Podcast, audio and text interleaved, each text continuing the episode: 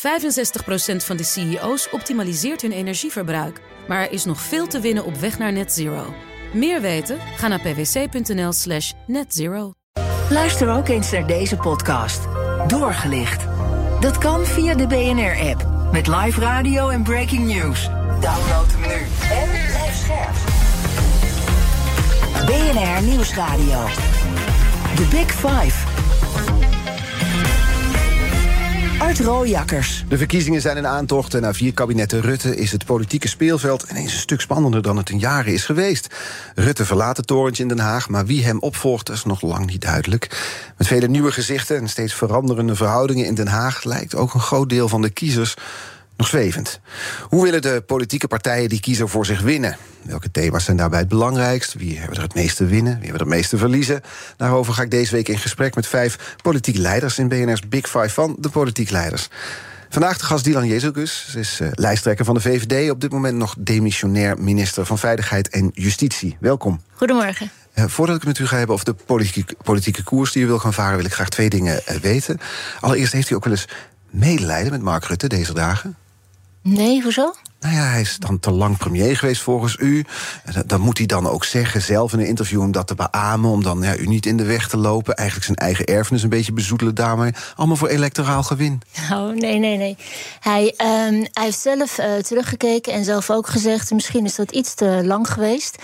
Um, maar als u goed in ieder geval naar mij luistert... is wel dat ik ook echt zie wat voor enorme dingen hij voor ons land heeft bereikt. Hoe hij ons door hele grote crisis heeft uh, geleid. Hij is een uh, grote staatsman. Uh, dus ik ben uh, heel erg trots op hem. En weinig medelijden. Hij doet zijn werk op dit moment ook uitstekend. Dus uh, volgens mij gaat het helemaal goed. Maar er werd ook van gezegd, het is zo gezegd. Het is allemaal om het verschil te kunnen maken met het tijdperk Rutte. Moet dat dan nu in de campagne gezegd worden?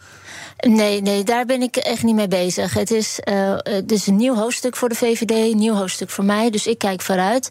En er hoort bij dat je ook uh, achterom kijkt en dat je zegt: Nou, dit is goed gegaan, dit is niet goed gegaan, daar kunnen we van leren. En dat hoort bij uh, als, als nieuwe leider opstaan. Maar dan had u moeten aftreden? Of moeten stoppen? Ik, ik, denk dat uh, bij de vorige verkiezingen, zo terugkijkend, wellicht een mooi moment was geweest. Uh, was u er toen al klaar voor eigenlijk? Dat hadden we dan, daar hadden we dan echt naar moeten kijken. Uh, dat is een hele goede vraag. Uh, en tegelijkertijd, als je kijkt naar de verkiezingen, zie je ook dat mensen um, echt voor Mark Rutte en voor de VVD zijn gegaan. Dus het is, het is terugkijkend en lerend zonder uh, meteen af te willen fakkelen. Want ook daarna zijn heel veel goede dingen opgepakt. Ja, dat lijkt me ook een lastige balans. We komen erover te spreken in zo'n campagne. Aan de ene kant wilt u laten zien, we varen een nieuwe koers. U bent een nieuwe persoon. Aan de andere kant dezelfde partij. Een partij die lang aan de macht was in Nederland. Dus dat is dan ja, toch wel touw, touwtje lopen zeg maar? Nou ja, het is, uh, het is, ik, voor mij is het gewoon heel erg belangrijk dat ik en eerlijk ben over het verleden. Dingen die goed zijn gegaan, die duidelijk ook niet goed zijn gegaan. Dat is ook een, uh, die, zijn ook goed aanwijsbaar.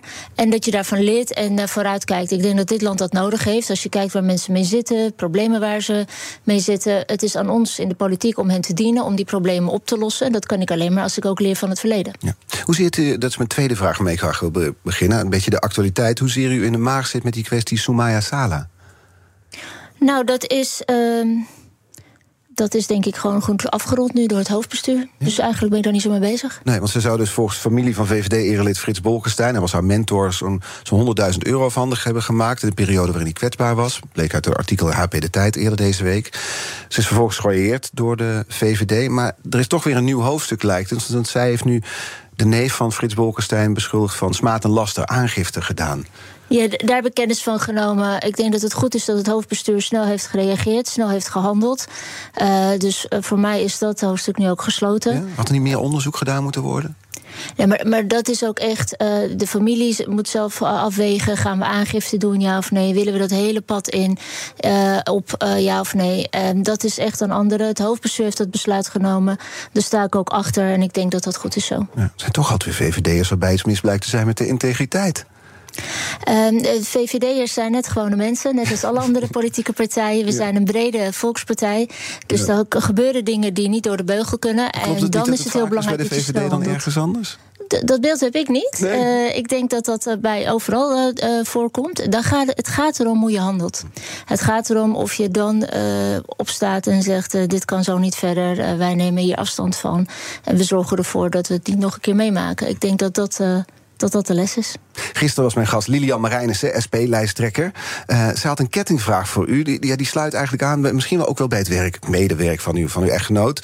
Die is begin september voorgedragen voor de bestuursraad van, uh, van Ajax. Speciale tijd om bij zo'n club betrokken te zijn, kunnen we wel stellen. Het kan alleen maar beter gaan, laten zeggen. Hier spreekt de optimist. Uh, de kettingvraag, dat was deze. Dan kan ik het toch niet laten. Ik heb hem natuurlijk een uur lang ingehouden hier in Amsterdam. Maar, Dylan, komt het nog goed met Ajax? Oh, Lilian, dankjewel voor deze vrolijke vraag uh, zo uh, s ochtends. Het komt altijd uiteindelijk goed, ook met Ajax. Um, en ik denk, we hebben nu rock bottom bereikt, dus het kan nu echt alleen maar omhoog. Ja. Dat zal wel moeten. Netjes dat u geen vergelijking maakt met de peiling van de SP. Nee, ik maak verder geen vergelijking. Oké. Okay.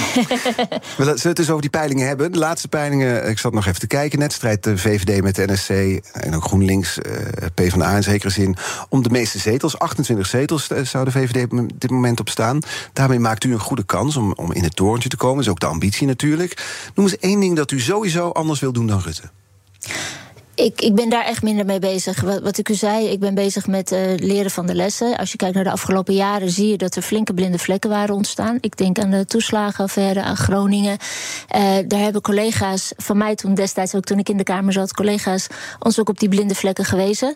En ben ik hen ook dankbaar voor. En daar moeten we nu mee aan de slag zijn. En mijn stijl, wat ik vooral zal doen, daarmee ben ik niet aan het afzetten. Ik ben gewoon een ander mens, dus ik doe dingen ook op een andere manier. Dat is normaal.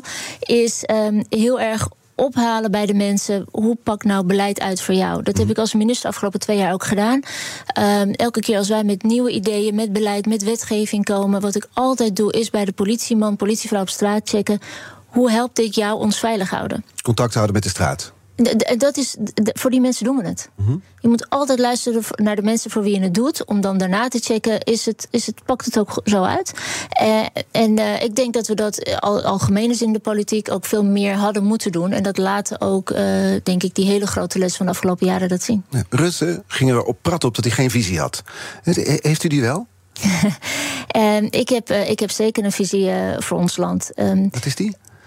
Kijk, wat ik zelf heel belangrijk vind, wat ik, laat ik het andersom doen. Ik heb zelf uh, steeds vaak het gevoel dat we, um, dat we een beetje dat de zuurstof uit de samenleving verdwijnt. We kunnen veel minder van elkaar hebben. We verstikken in de regels. Het wordt opgestapeld, opgestapeld, opgestapeld. Uh, en we kunnen met z'n allen niet zo heel veel meer uh, hebben. En dat moet anders. Er moet meer ademruimte komen. En dat betekent dat je ook dus naar mensen gaat luisteren. Dat je gaat horen wat hen bezighoudt. Dat je daarmee bezig bent om dat op te lossen. Dat dienen, dienen is voor mij heel belangrijk. Dit is een schitterend land, maar op dit moment voor zoveel mensen is dat niet de waarheid. Ja, dus die visie is minder regeltjes, dat, als ik het concreet nou, probeer het, maken. Het is, het is minder regels, elkaar minder verstikken. Het is ademruimte bieden, het is vertrouwen hebben in mensen. De politiek ademruimte bieden? Dat kan je, op het moment dat er iets um, opkomt, hè, iets niet goed gaat... of bepaalde dingen misgaan... dan reflex in de politiek, in de samenleving, met elkaar doen we dat... is meteen schieten naar de andere kant en het helemaal dicht proberen te timmeren. Alles proberen, alle risico's proberen uit te sluiten.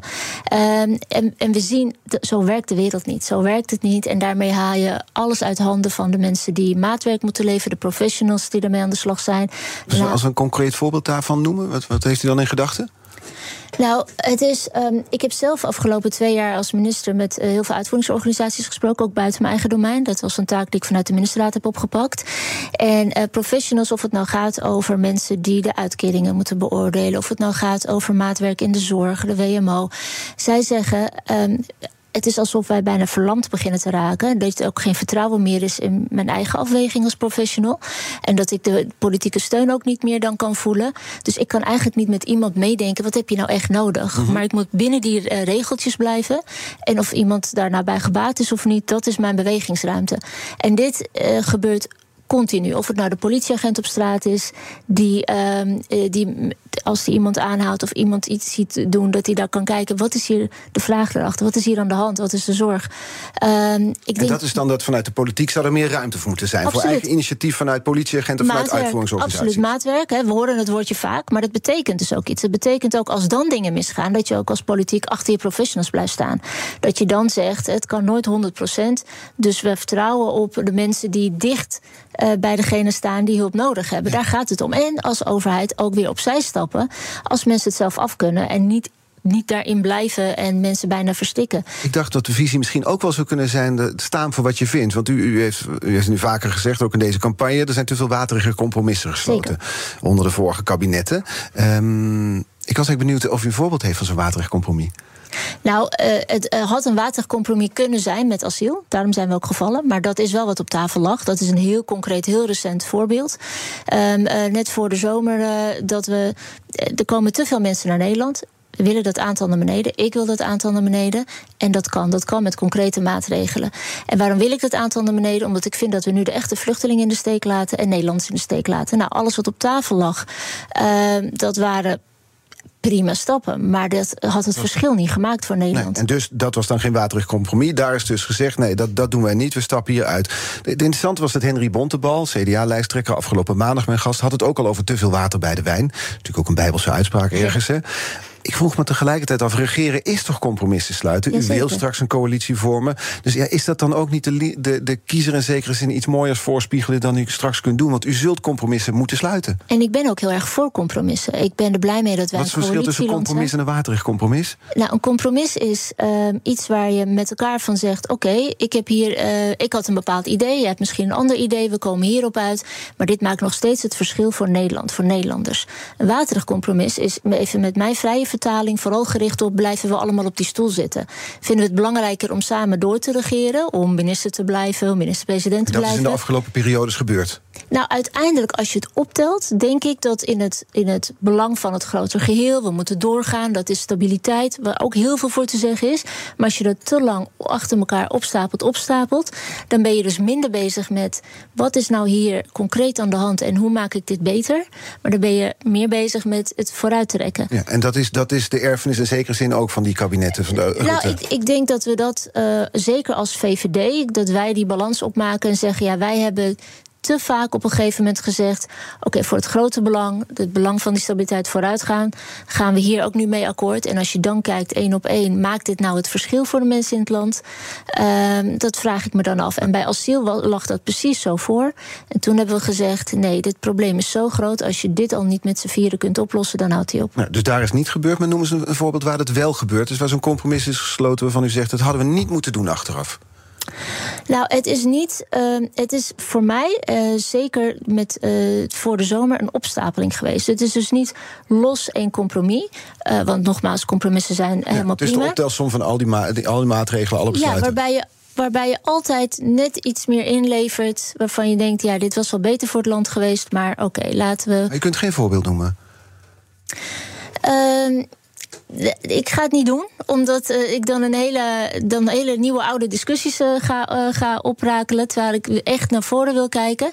En de partijen die straks aan tafel zitten. U, u zet het zelf op de agenda, de waterige compromissen. Dan is het logisch dat er naar gevraagd wordt. Maar als er dan een voorbeeld nou, ja, wordt, kunt u het niet asiel geven. is het beste voorbeeld. Ja, maar dat was en juist geen waterig compromis. Nou, uiteindelijk niet, omdat nee. wij zeiden dat willen maar we niet. wat het dan wel was, dan zegt u van ja, dat ga ik nu niet zeggen.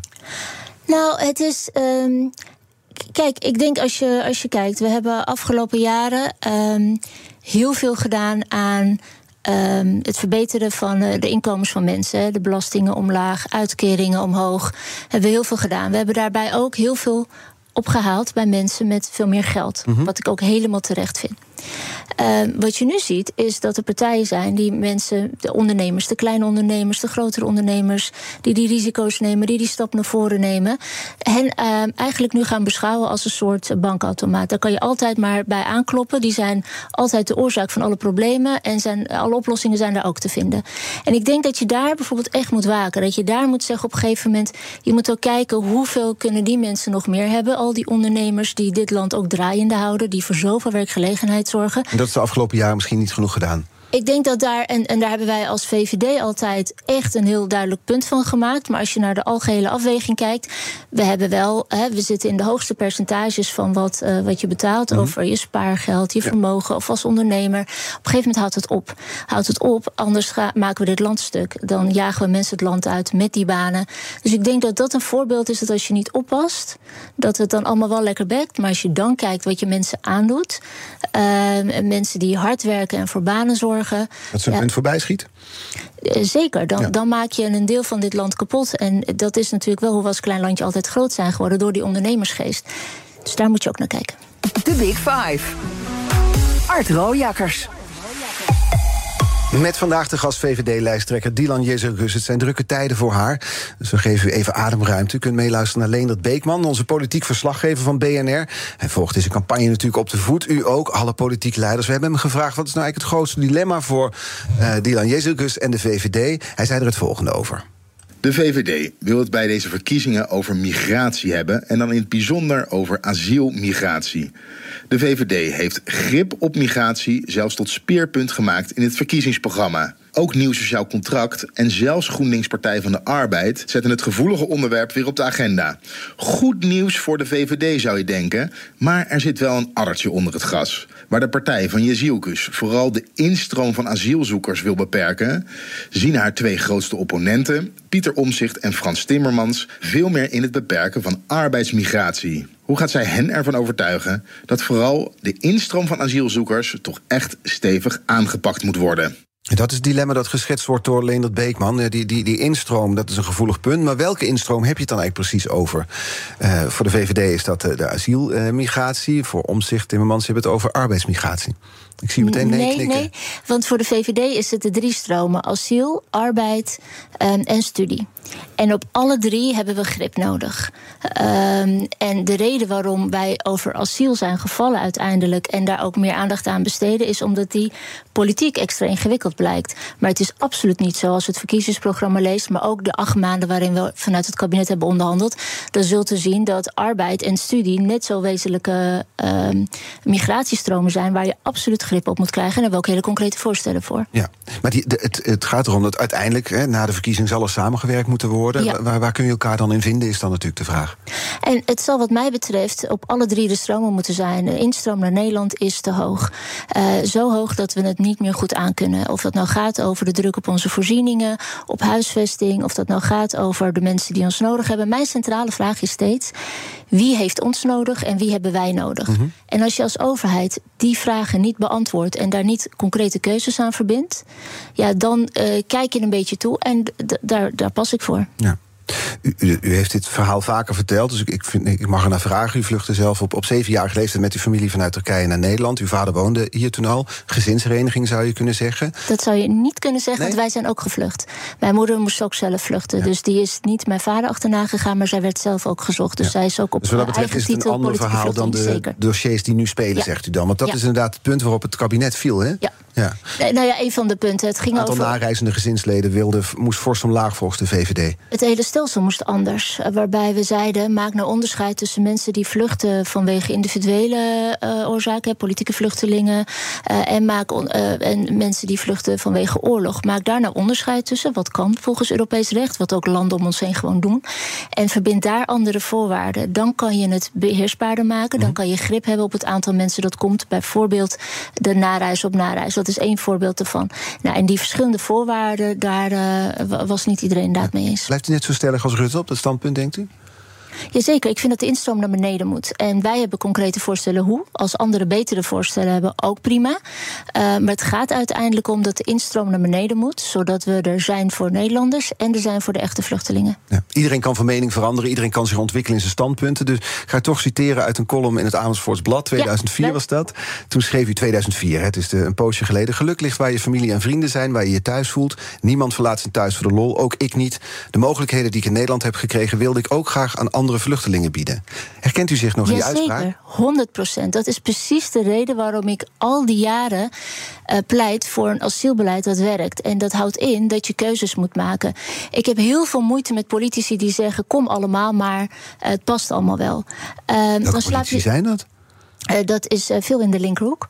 En dan zie je, uh, dan slaap je zelf beter. Dat, dat zal best, hè? dat klinkt lekker. Vervolgens zou ik die mensen willen uitnodigen om eens te kijken hoe het in Ter Apel eruit ziet. Of hoe we het in Nederland hebben geregeld. Toen wij naar Nederland vluchtten, toen ik acht was, uh, werden wij goed opgevangen. Konden we vrij snel, uh, hier kon ik naar school in een normale wijk. Uh, gewoon gemengd, uh, hartstikke mooi. Dat is de, een van de redenen waarom ik nu hier tegenover u zit. Als je nu als achtjarig meisje binnenkomt, duurt het eindeloos voordat we weten ben je een echte vluchteling. Zo ja, duurt het eindeloos voordat we huisvesting voor je hebben. Zit je misschien jaren in een AZC. Je krijgt zo'n valse start. Dat is toch mede door de partij waar u nu lijsttrekker van bent? En wij hebben afgelopen jaren zoveel voorstellen gedaan, zoveel in, input geleverd om dit juist te veranderen. Maar u weet, ik heb nooit 76 zetels gehad. Ga ik waarschijnlijk ook nu niet halen. Ja. Eh, dus daar kom je continu op eh, stappen uit waar je dan elkaar vindt. We hebben natuurlijk wel grote stappen gezet. Denk aan de Turkije-deal, waardoor heel veel minder mensen zijn gekomen. Waardoor je het ook zorgvuldiger hier kon Ja. regelen.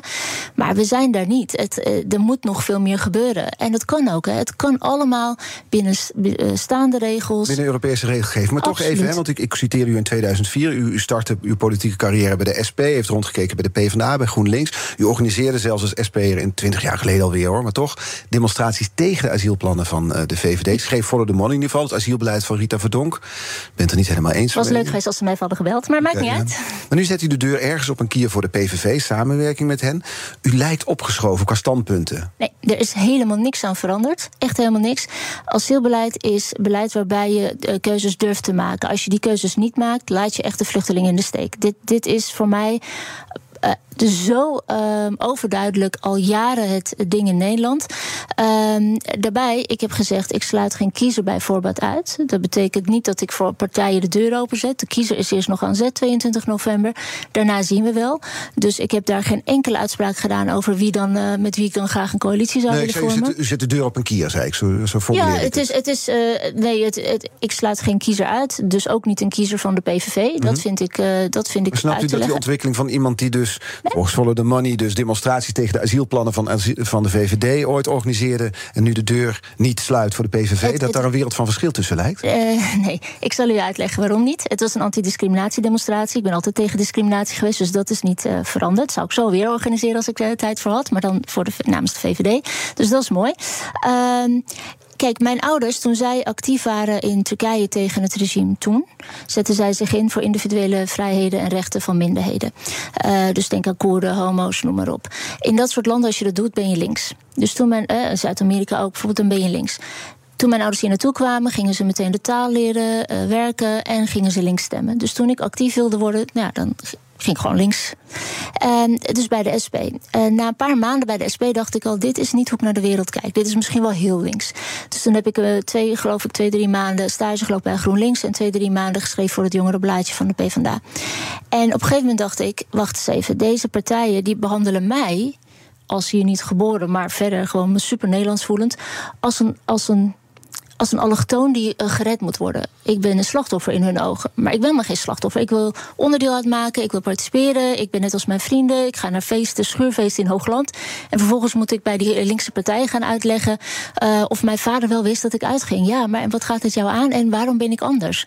Eh, dus dat slachtoffergebeuren vond ik zo verschrikkelijk. Ik was helemaal klaar met links. Jaren later ben ik me nog een keer gaan verdiepen. Maar toen ben ik al die beginselen van de partijen gaan lezen. Waar staat elke partij nou voor? En toen realiseerde ik mij, ja, wij zijn van huis uit liberaal. Wij geloven in de eigen kracht En van mensen. dus thuis, thuisgevoel bij Absoluut. de... Dus in al die jaren is mijn standpunt, daar waar ik het zocht, is veranderd. Het, ben, het is ontwikkeld. Maar hoe ik naar de wereld kijk, is nooit veranderd. Ik geloof niet in dat je mensen als slachtoffer weg moet zetten. Ik geloof dat je in mensen eh, moet vertrouwen en, en moet steunen daar waar ze hulp nodig Ja. hebben. En uit de weg moet stappen als ze dat niet nodig hebben. We spreken zo verder met VVD-leider eh, en lijsttrekker Dylan eh Jezergus over de, ja, de, de stijgende lijn, de stijgende vaste lasten bedoel ik, van de VVD. Hoe ze die willen verlichten. Blijf luisteren. 65% van de CEO's optimaliseert hun energieverbruik. Maar er is nog veel te winnen op weg naar net zero. Meer weten? Ga naar pwc.nl slash netzero. BNR Nieuwsradio. The Big Five. Rooijakkers. Welkom bij het tweede half uur. Eerder deze week sprak ik met CDA-leider Henry Bontebal... over ja, hoe hij zijn partij weer uit het electorale slop wil trekken.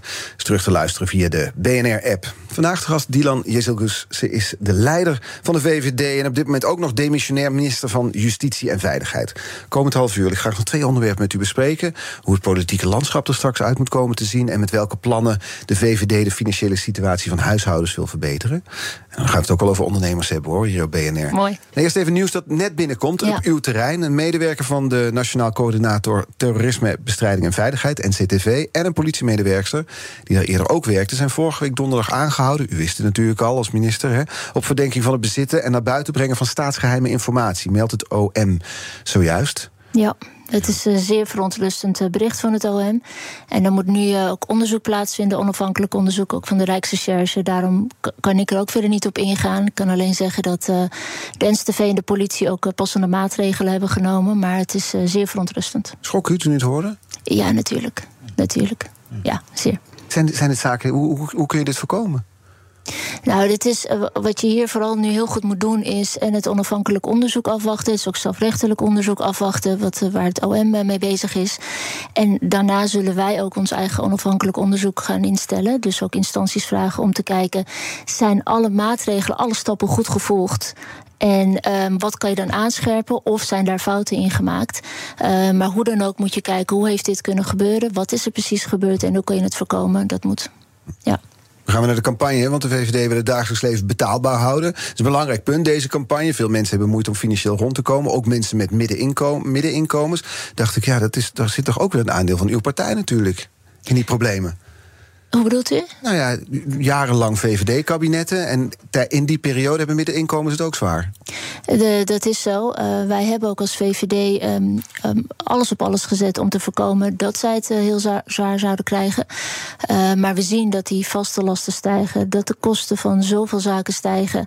En als je dan kijkt naar de inzet vanuit de politiek, die ook heel terecht ook bijvoorbeeld richting de laaginkomens gaat.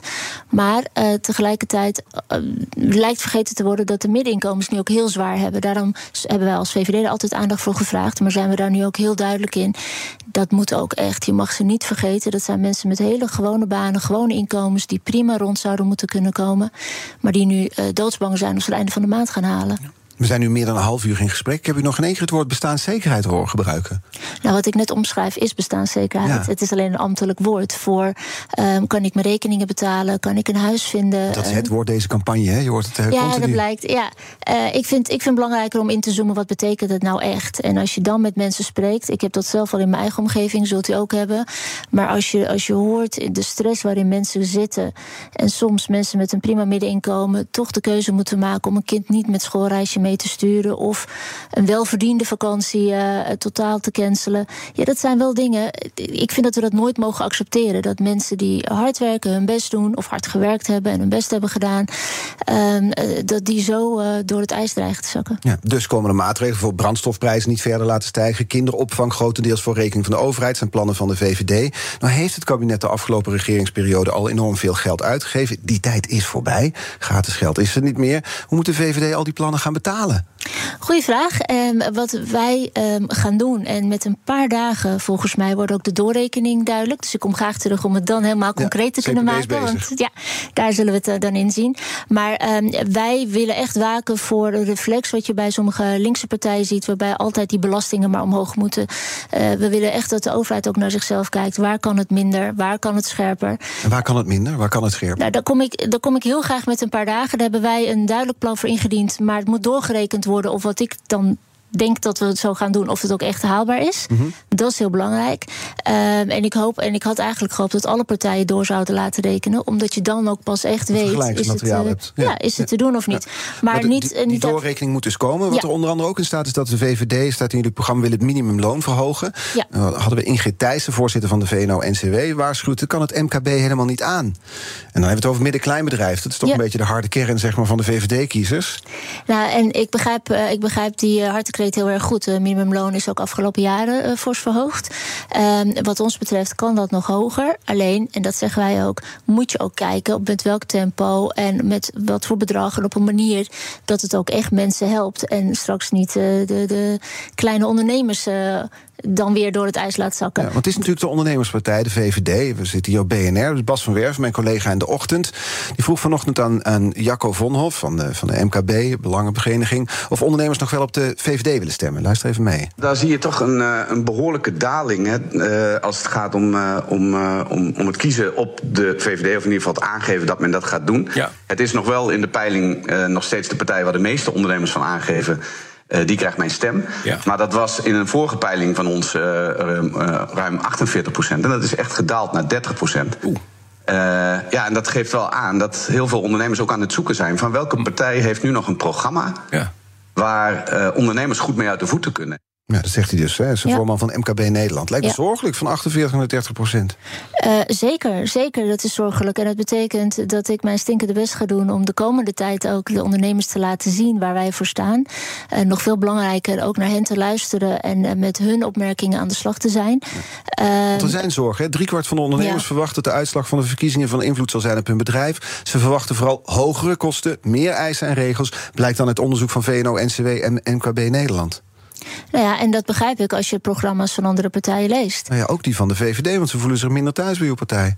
En ik denk dat het daarom aan ons is om, om ook goed en te luisteren, maar ook te vertellen waar wij voor staan. En wat ik u eerder in de uitzending zei: kijk, als je ondernemers, klein, groot, altijd als onderdeel van het probleem ziet, als, de, als het kwaad, en daarna ehm, al het geld daar weg gaat halen om vervolgens te zeggen: kijk, want kijk, mij stoer zijn, ik ga de ondernemers enorm belasten, want daarmee eh, doe ik goede dingen. Dan denk ik dat je echt voorbij gaat aan hoe zwaar mensen het hebben. Dus wat wij ook eh, voorstellen, naast hele concrete zaken, zoals dat ondernemers financiering moeten kunnen krijgen, de MKB-bank, nou, noem al die elementen, wil ik ook ehm, dat we veel meer de, de ondernemers waarderen. Ik, Ja, ik maar ken- dat, dan kom ik toch weer bij die ondernemers terug. Want nog dan iets vanuit de ondernemerskant. De VVD'er Erik Siens, hij is ook de nieuwe voorzitter van de ondernemersvereniging ONL. En mist de ondernemersgeest in de partijprogramma's bij de huidige politici. Zei hij hier op BNR. Ja, nou ja, kortom, er, is, er zijn zorgen vanuit ondernemers als ze kijken naar de politiek en dus ook naar uw partij. En, maar die begrijp ik ook heel goed, eh, omdat ook de afgelopen tijd, denk ik, ehm, heel veel op hen geleund is. En daarom zeg ik ook steeds, en u zult het bij de doorrekening straks zien. Ik ben bang dat er partijen zullen zijn die. ehm, Ongelooflijk veel geld willen weghalen bij al die ondernemers die voor al die banen zorgen in ons land. Ehm, en daarom zeg ik ook: de overheid moet vooral naar zichzelf kijken. Waar kan het bij ons minder in plaats van ondernemers of de mensen thuis gaan belasten? Maar het is ook echt ehm, aan mij om de ondernemers ook te laten zien. In plaats van de woorden, want die hebben we, die staan Mhm. op papier. Maar ook te laten zien, wij waarderen jullie zeker. Ja, En- dat doet u soms letterlijk. Hè? Er was een etentje bij vastgoedondernemer Cor van Zadelhof. Was u zelf aanwezig. Ja. Er waren een heleboel ondernemers aanwezig... die ook grote bedragen aan uw partij eh, schonken. Bijvoorbeeld Basic Fit baas René Moes, 100.000 euro. Horeca-ondernemer Won Jip, 50.000 euro. Conclusie, politieke invloed is te koop in Nederland. Oh, zeker niet. Dat, dat, ik, ik hoop niet dat, dat dat uw conclusie is. Ehm, want we gaan ondernemers, wat mij betreft, nooit en ook niet in deze uitzending wegzetten als een stelletje boeven wat eh, eh, invloed wil kopen. Ehm, daar is, die mensen hebben. Is- eh, waarom zou je anders 100.000 euro overmaken als eigenaar van Basic omdat je ziet, omdat je ziet, en dat moet u ook vooral aan de eigenaar zelf vragen, maar omdat je ziet dat een ook partij gedaan als, hebben, want u was aanwezig daar. omdat een partij als de VVD eh, de ondernemers ook waardeert, ziet wat zij voor dit land betekenen. Ja, overigens wil ziet- nooit te gast zijn hier bij BNR... maar hij koopt zijn invloed dan gewoon direct bij de politiek, zou je kunnen stellen. Maar daar gaat u ervan uit dat er vervolgens een wensenlijstje ook op tafel lag, wat eh, integraal in ons verkiezingsprogramma is opgenomen. Hebben in Uitgesloten. ieder geval in uw oor, want u was daar Uitgesloten. aanwezig. Ik denk dat er heel veel mensen zijn in Nederland die met u zouden willen dineren. Misschien wel omdat het gezellig is, maar ook eens om te vertellen waar ze mee zitten. Maar dat kan blijkbaar alleen als je 50.000 euro Maar meeneemt. dat zijn wel, vind ik, nogal grote aannames. Elke politieagent kan mij elke dag op straat aanspreken via mijn DM's op Twitter. En de helft heeft ook mijn eh, mobiele nummer. Ja. Dat geldt voor ongelooflijk veel Ja, mensen. maar Pieter Omtzigt, belangrijke concurrent voor u, doet het heel anders. Zegt geen gift boven de 850 euro, want anders schijn van belangenverstrengeling. Of het nou belangenverstrengeling is of niet, in ieder geval die schijn voorkomen. Hij beschuldigt ook bij zijn afscheid van het CDA een donateur ervan invloed te hebben gekocht. Bij toenmalig partijleider Wopke Hoekstra zal ermee te maken hebben. Maar hij zegt 850 euro max. Kijk, de, de regels die nu zijn eh, bijgesteld naar maximumbedrag en transparantie, die zijn door de VVD ingezet. Ehm, ik vind als je ondernemers op deze manier wegzet, alsof ze allemaal. niemand weg. Ik vraag me af wat er, Nee. waarom je 100.000 euro ook naar een partij overmaakt. Dat doe je toch met een bepaald idee? Dat doe je omdat je denkt dat de partij ehm, jou als ondernemer ook ziet en hoort. En weet dat jij zorgt voor Omdat je innovatie. zoveel geld geeft? Voor, eh, nou, maar er zijn heel veel eh, mensen. Wij hebben ook gelukkig heel veel mensen die 5 euro, 10 euro, 50 euro Dat storten. zijn niet mensen met wie u gaat dineren. Oh, zeker wel. Maar, Maar dit hier zijn hebben ze een aannames. etentje van vastgoed. Van Maar wat zijn dat voor aannames, meneer? Dat is helemaal niet nodig. Ik ben helemaal niet eh, alleen maar exclusief voor een bepaalde groep mensen. Zeker niet. Zo heb ik trouwens mijn werk nooit Ik zeg gedaan. niet dat u exclusief over bent, maar ik zeg wel dat als je dus 50.000 euro meeneemt naar een etentje bij Cor van Zadelhof, dat je uw oor hebt. Eh, daar heb ik vooral eh, verteld waar ik voor sta. Dat is dus niet andersom gegaan. Het is niet geweest dat ik met een bloknoot zat en alle aantekeningen zat te Nee, maken. maar straks zit u misschien wel in een torentje... en dan belt Won Jip of Cor van Zadelhoff. Wat zegt u dan? U zult het Of moeten u belt opnemen. als journalist en u heeft het over uw veiligheid. Of een politieagent belt en zegt: Joh, ik heb eh, eh, de bodycams eh, moeten vernieuwd worden. Waarom eh, investeer je daar niet in? Ik ben voor iedereen bereikbaar. En uiteindelijk gaat het erom hoe we dit land vooruit helpen.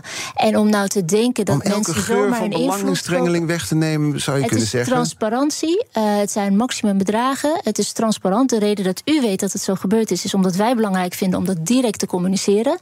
Ehm, en vervolgens het verkiezingsprogramma. De hele commissie heeft geen eh, invloed eh, gekregen vanuit die tafels. Absoluut niet. Pieter Omtzigt doet het anders, zei ik al. Hè? Die zegt 850 euro max. Wat vindt u daarvan? Dat kan, dat is zijn keuze. Eh, daarmee denk ik dat u een misschien? iets te korte bocht neemt door dan te denken dat er niet op andere manieren invloed uitgeoefend kan worden. Uiteindelijk gaat het over de integriteit van de mensen die zeggen ik steun zo'n partij en de integriteit van een partij. En ik, ik vind het, eh, als we het juist zo hebben afgesproken in dit land en transparant maken en mensen willen graag hun steun laten zien, vind ik het een hele grote stap om daarna meteen hun integriteit ter discussie te Ik stel stellen. niemands integriteit ter discussie. Eh, ik, weet vraag alleen- nee, ik vraag me alleen af dat als je 100.000 euro over kan maken... Hè, dan, dan zit je Ja. blijkbaar aan een diner met andere mensen die dat kunnen overmaken. Maar, en aan het diner schuift u ook aan. Maar het verkiezingsprogramma was toen al praktisch af. Hij was Maar aan het u- afronden. ze kunnen dus met u communiceren direct. Maar u ook, en een politieagent ook, en een BOA ook. Ze hadden het geld helemaal niet hoeven overmaken daarvoor. Als, als het is om met mij in gesprek te gaan, hoef je daar geen cent voor te betalen. Ik ben eh, in mijn kern, ook al ben ik nu een bestuurder, ben ik volksvertegenwoordiger. Dat kost je geen geld. Nou ja, maar elke stem telt. Stelt, el- stem, telt elke stem ook evenveel? Voor mij zeker. Voor mij zeker. 65% van de CEO's optimaliseert hun energieverbruik. Maar er is nog veel te winnen op weg naar net zero. Meer weten? Ga naar pwc.nl slash netzero.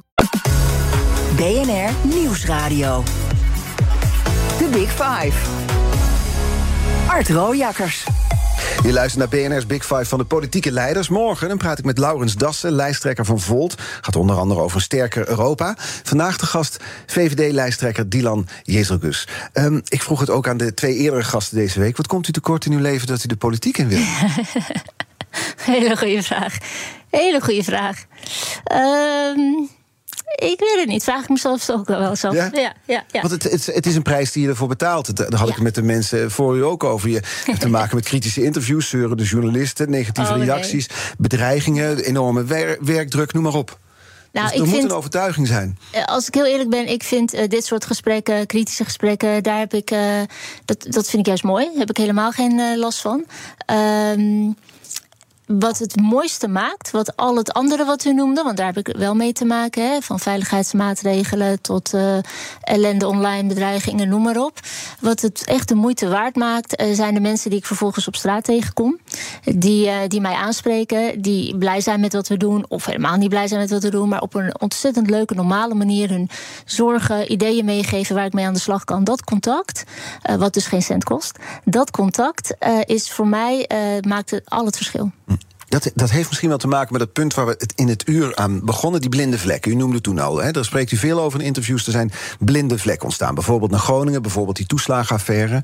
We, we hebben het erover gehad dat dat is ontstaan. Maar waar ik benieuwd naar ben, is hoe Den Haag dat dan voortaan kan voorkomen, die blinde vlekken. En, wat u daaraan kan bijdragen. Nou, er zijn eh, uitvoerige onderzoeken geweest naar die twee eh, dossiers bijvoorbeeld. Heel veel concrete aanbevelingen worden nu ook uitgevoerd. Maar als ik één niveautje hoger kijk, wat, wat ligt hier nou achter? Dan denk ik echt dat we te slecht hebben geluisterd naar mensen. Ik ben zelf woordvoerder Groningen en Klimaat geweest in de Tweede Kamer. Daarna ook natuurlijk staatssecretaris. En ik herinner mij de vele tafels in Groningen waar ik aan heb gezeten, waar mensen met tranen in hun ogen in die ellende zaten. Ehm, en ik ook dacht, hoe hebben we het zover kunnen laten komen? En de sleutel om het niet zover te laten komen is. Het, het is een open deur, ik weet het, maar eerder naar mensen luisteren en dan handelen. Dus los van alle hele concrete aanbevelingen waar we volop mee aan de slag zijn en dat moet, denk ik dat het begint bij luisteren, mensen zien en daar ook handelen. En niet daarna mensen gaan uitleggen dat zij het verkeerd voelen. En dat is wel een reflex in de politiek die te sterk is geweest. Kunt u beter luisteren dan Mark Rutte? Eh, ik weet niet of ik beter kan luisteren dan Mark Rutte, maar ik kan goed luisteren. Want ik, ehm, ik ben in het werk ooit gestapt als raadslid met dat als enige doel. Ik wil ehm, iets doen om jouw leven beter te maken. En zolang ik dat kan doen, blijf ik in dit vak. En op het moment dat ik denk, nou, daar, daar voeg ik niks meer aan toe, dan uh, moet ik opzij. Dat is voor mij nooit anders geweest. Toen ik de gemeenteraad inging, weet ik heel goed, had ik iets van 400 nog wat voorkeurstemmen. En ik dacht, wauw, ik ken niet eens 400 mensen. Dus er hebben onbekenden op mij gestemd. Mm -hmm. En die hebben hun stem aan mij toevertrouwd. Um, en sinds die dag voel ik die stemmen, voel ik dat vertrouwen op mijn, op mijn schouders. En dat is voor mij de reden waarom ik dit doe. Ja. Dus als ik niet meer zou luisteren, dan houdt het op. Ja. Eerder deze week had ik Henry Bontebal te gast. Hij zei: Het is eigenlijk veel makkelijker om een nieuwe partij te beginnen. Want dan hoef je niet het uitleg te geven over die erfenis die je met je meeteelt. Ik ben een nieuw mens, maar ja, ik zit wel het uit te leggen. Ongeveer elke stoeptegel in Nederland heeft CDA wel zich mee bemoeid. Dus ik word er ja. overal verantwoordelijk voor gehouden. Dat geldt natuurlijk in zekere zin nog meer voor u. U moet een soort evenwichtskunstenaar zijn in deze campagne. Nee, ik denk dat je eerlijk moet zijn over het verleden en dat je daar die lessen mee moet nemen. En ook. Want in hoeverre, kijk, u bent nieuw, u heeft een nieuwe visie, u heeft een nieuw idee, u bent een andere persoon dan Mark Rutte. Maar het is dezelfde partij, dezelfde partij die al jarenlang coalities vormt en dit, dit land regeert. Maar ik gooi ook niet uh, dat verleden in de prullenbak. Er zijn ook ongelooflijk veel dingen gebeurd waar ik heel erg trots op ben. Hoe we toch met elkaar um, uit die coronacrisis zijn gekomen. En ik weet dat er ook mensen zijn en ondernemers zijn die daar nog heel veel last van hebben. Maar als je kijkt hoe we als land het voor elkaar hebben gekregen, is heel, heel knap. Zo kan ik een heleboel momenten, de financiële crisis, economische crisis. Um, dus het is niet dat ik. Dat dingen... is precies wat ik bedoel met dat evenwicht. Aan de ene kant moet u ja, benadrukken, er zijn dingen goed gedaan, maar je moet ook wel afstand nemen. Dat lijkt nee, me soms een lastig gewoon, pad dat je moet volgen. Ik vind het niet zo lastig, omdat ik daar gewoon eerlijk over ben. Er zijn dingen goed gegaan, die gooi ik niet weg. Er zijn dingen niet goed gegaan, daar leer ik van. Uh, je kunt ook leider zijn van een nieuwe partij, zoals bij NSC, en zelf al meer dan 25 jaar in de politiek zitten en bij al die besluiten betrokken zijn geweest. Ook dat is een lastige balans. Hè. Laten we dat niet vergeten. En ook daar denk ik dat het te waarderen is als mensen zelfreflectie, hun eigen rol benoemen um, en daarna vooruitkijken. Dus er zit op dit moment bijna niemand in het politieke domein die meedoet met de verkiezingen, die kan zeggen: ik had daar helemaal niks mee te maken. Nee, iedereen is mede verantwoordelijk. Met wie denkt u het meeste te kunnen samenwerken in het toekomstige kabinet? Dat ga ik echt zien. Als je kijkt naar uh, het, het, risico op die waterige compromissen waar we het eerder over hadden. Dat risico is denk ik een heel stuk groter met de partij van uh, uh, meneer Timmermans. Um, en met andere partijen is dat risico kleiner. Maar uiteindelijk zal de kiezer eerst moeten spreken. En dan zien we wel met wie we aan de tafel zitten ja. of niet. Nee, dat, werd, dat werd deze week eerder ook gezegd. Het is zo'n Haags cliché. Hè? En ik snap het ook hoor. Want u wilt natuurlijk niemand uitsluiten bijvoorbeeld. En tegelijkertijd stemmen wij als kiezers op partijen die uiteindelijk een coalitie gaan vormen. Dus ja. misschien wel helderder zou het zijn als politici zouden zeggen: Nou, dit is mijn voorkeurscoalitie. Nou, wat, waar ik voor sta, staat in mijn verkiezingsprogramma. Kom ik hier ook graag uitleggen. En ik zal uh, tot de 22e uur vooral vragen om op mij te stemmen, op de VVD te stemmen. En wat er niet staat, is van deze, deze punten ben ik bereid op te geven om een coalitie te vormen met hen. Dat staat niet in partijprogramma's. Nou, ik, ik wil het liefst helemaal geen punt opgeven. Maar het kan zijn dat anderen andere maatregelen hebben om dat punt te bereiken. Alles wat in ons programma staat, is wat ons door de mensen is verteld. Hier lig ik wakker van. Fix dit. Fix mijn problemen, zodat we straks kunnen zeggen: we hebben het goed voor elkaar in dit land. Dat is mijn inzet. En als een ander daar betere plannen voor heeft. Ook goed, dan gaan we daar samen naar kijken. Ik vraag aan iedereen deze week: wat is uw verkiezingsbelofte? Als u die zou moeten samenvatten in een aantal zinnen, wat is uw verkiezingsbelofte? Eigenlijk zei ik het uh, net al, dat ik, uh, ik ben er om te dienen. Uh, om dus naar de mensen te luisteren, wat hen bezighoudt en met die problemen aan de slag te zijn. Om, dat, om die problemen te fixen. Ook eerlijk te zijn als ik dat niet kan. Ook eerlijk te zijn als er fouten worden gemaakt. En uiteindelijk het doel blijft wel dat we, dat we het gewoon goed voor elkaar hebben in dit land. En dat iedereen dat kan zeggen. En daar zijn we, uh, daar zijn we nog ver van. Hm. Morgen mijn gast Volt-lijsttrekker Laurens Dassen. Uh, u mag hem een korte bondige vraag stellen, de kettingvraag. Hij mag over Ajax gaan, mag ook ergens anders over gaan. Wat zou u van hem willen weten? Ik heb even getwijfeld of ik ook voetbal zou uh, pakken, maar ik sla een rondje voetbal over. Uh, lijkt mij gepaster als Ajax ziet. dus ik heb een inhoudelijke vraag voor Laurens Dassen. want hij is ehm, groot voorstander van een sterk Europa en samenwerking. ook omdat we dan op die manier minder afhankelijk kunnen zijn van landen als China of andere regimes helemaal voor. Uh, maar tegelijkertijd is hij ook tegen uh, bijvoorbeeld samenwerkingen zoals Mercosur-verdrag, wat wij graag willen met de Latijns-Amerikaanse landen, democratieën die zeggen laat ons samenwerken. Maar daar is hij ook tegen. En dan denk ik, dat vind ik oprecht een hele ingewikkelde. Hoe kan je nou tegen dat soort samenwerkingen zijn die uh, andere democratieën, in dit geval Latijns-Amerika, dan misschien wel richting een China duwen? Dus ik, ik, ik heb Ik zie daar um, enorme spanning. En dit klinkt als iets kleins, een verdrag, waar gaat het over? Maar als je ziet wat, we verschil op de wereld kunnen maken door met landen samen te werken, dan vind ik wel dat je daar niet dogmatisch in moet zijn en wel vooruit moet kijken. Dus ik wil graag van hem horen. Hoe verklaar je nou eigenlijk die spanning die je zelf daarop creëert? En is het niet beter om samen te werken en uh, met ons mee te denken? We gaan het er morgen vragen. Laurens Dassen, dank voor de komst in deze drukke tijd. Het is oh. nu al klaar. Je mag okay. nog een uur blijven zitten, maar dan neemt wel mijn collega het over, Thomas van Zel.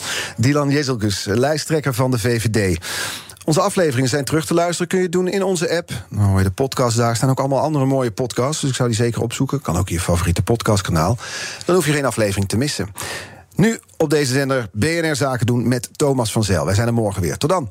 65% van de CEO's optimaliseert hun energieverbruik. Maar er is nog veel te winnen op weg naar net zero. Meer weten? Ga naar pwc.nl/slash netzero.